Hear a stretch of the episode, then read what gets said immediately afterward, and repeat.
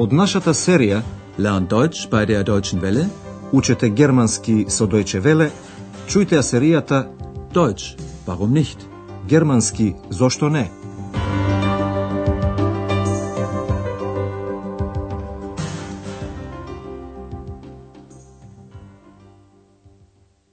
Liebe Hörerinnen und Hörer.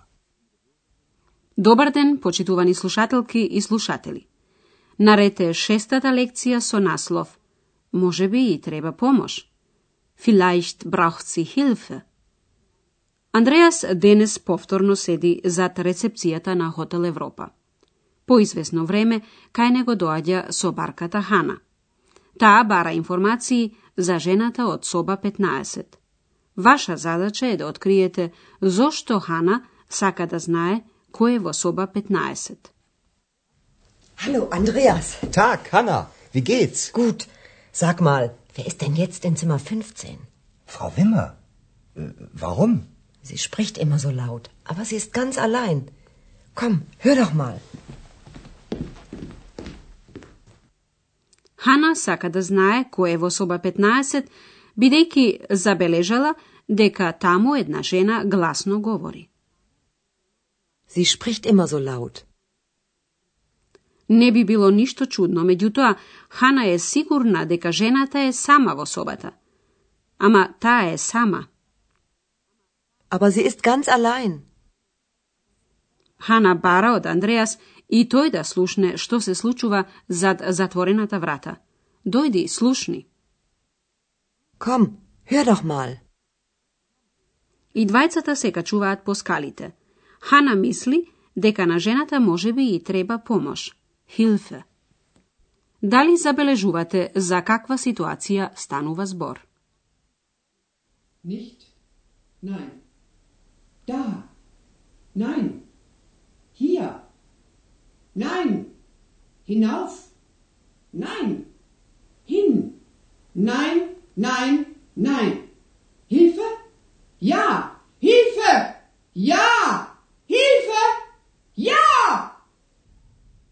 Vielleicht braucht sie Hilfe. Warum fragst du sie nicht? Aber da hängt doch das Schild. Bitte nicht stören. Dann stören Sie auch nicht. Aber was ist los? Frau Wimmer ist Schauspielerin. Ach so, dann ist alles klar. Und wann kann ich das Zimmer putzen? Дали откривте за што станува збор? Да, господја Вимер е артистка и ја увежбува својата улога. Да го чуеме диалогот уште еднаш. Најпрвин артистката цитира текст од делото на австрискиот писател Пета Хантке. Вие го чувте крајот на говорниот текст Повици за помош од 1967 година. Хана во секој случај не се сомнева во ништо.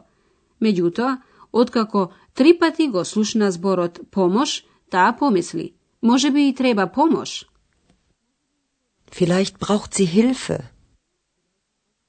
Откако Андреас ја прашува Хана зошто не презема ништо, таа покажува на табличката што виси на вратата од собата. Ама таму виси табличката. Aber da hängt doch das Schild.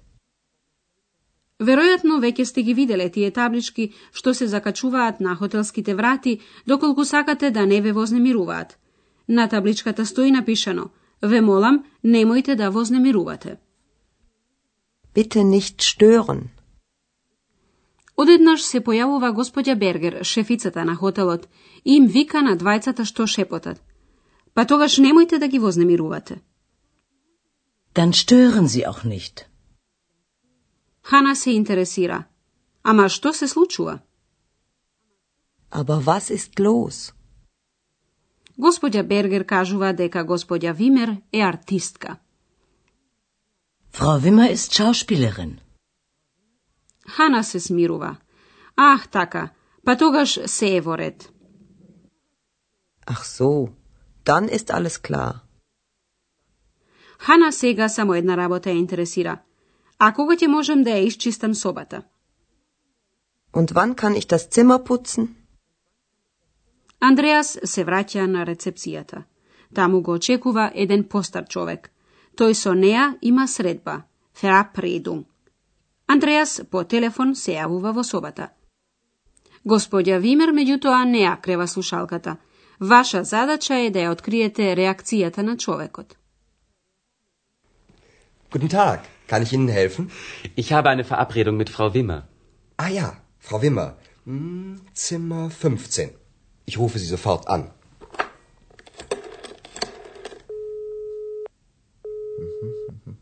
Hm, Tut mir leid. Sie nimmt nicht ab. Das verstehe ich nicht. Ich kann Frau Wimmer jetzt nicht stören. Möchten Sie vielleicht warten? Ich weiß nicht. Ich weiß nicht. Ach, sagen Sie, Frau Wimmer, ich rufe Sie später an. Постариот господин остава порака за тоа дека подоцна пак ќе ја побара господја Вимер. Чујте го разговорот уште еднаш. Господинот вели: Јас имам средба со господја Вимер. Ich habe eine Verabredung mit Frau Wimmer. Андреас се јавува по телефон кај господја Вимер, меѓутоа таа не ја крева слушалката. Андреас на постариот господин му вели: Жалам, не ја крева слушалката. Tut mir leid. Sie nimmt nicht ab. Андреас вели дека тој и господја Вимер сега, jetzt, не сака да ја вознемирува. Ich kann Frau Wimmer jetzt nicht stören. Андреас го прашува човекот. Дали може би сакате да почекате? Möchten Sie vielleicht warten? Господинот се решава на господјата да и се јави подоцна. Шпета. Ich rufe Sie später an. Сега ќе ви објасниме нешто за структурата на реченицата во германскиот јазик.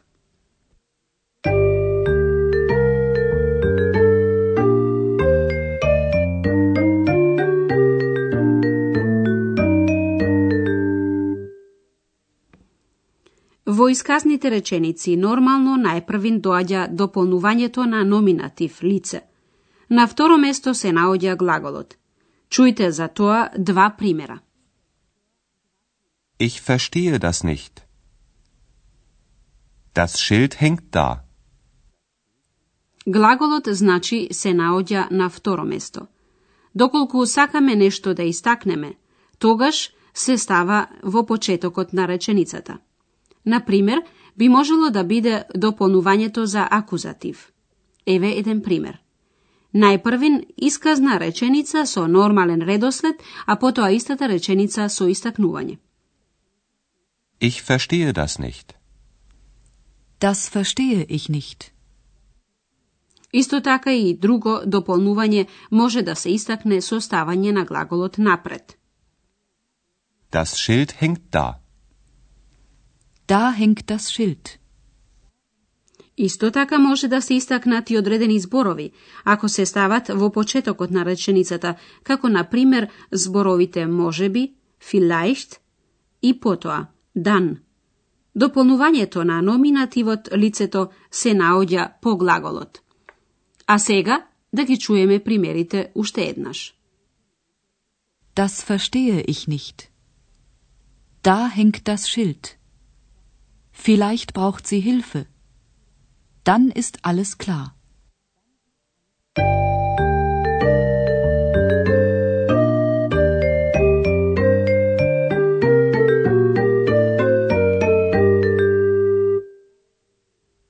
На крајот еве ги трите сцени уште еднаш.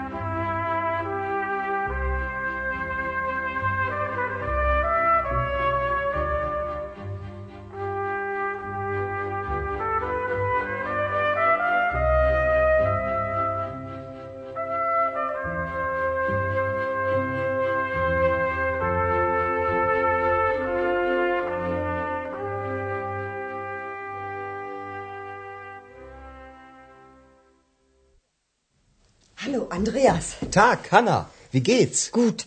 Sag mal, wer ist denn jetzt in Zimmer 15? Frau Wimmer. Äh, warum? Sie spricht immer so laut, aber sie ist ganz allein. Komm, hör doch mal. Andreas i Hana prisluškuvat na vratata od sobata na gospodja Vimer. Ta je artistka i uvežnjuva jedna uloga. Nicht? Nein. Da. Nein. Hier. Nein. Hinauf. Nein. Hin. Nein, nein, nein. Hilfe? Ja. Hilfe! Ja! Hilfe! Ja! Vielleicht braucht sie Hilfe. Warum fragst du sie nicht? Aber da hängt doch das Schild. Bitte nicht stören. Dann stören Sie auch nicht. Aber was ist los? Frau Wimmer ist Schauspielerin. Ach so, dann ist alles klar.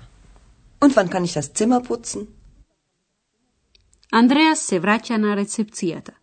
Tamu čeka jedan gospodin koji ima sredba so gospodja Wimmer. Guten Tag, kann ich Ihnen helfen? Ich habe eine Verabredung mit Frau Wimmer. Ah ja, Frau Wimmer, hm, Zimmer 15. Ich rufe Sie sofort an.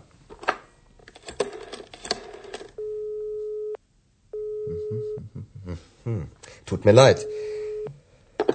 Sie nimmt nicht ab. Das verstehe ich nicht. Ich kann Frau Wimmer jetzt nicht stören. Möchten Sie vielleicht warten? Ich weiß nicht. Ich weiß nicht. Ach, sagen Sie, Frau Wimmer, ich rufe Sie später an. Толку за денеска, а до наредната лекција до слушање. Auf Wiederhören. Тоа беше германски зошто не, Радиоговорен курс на Херат Мезе во продукција на Дојче Веле и на Гетовиот институт од Минхен.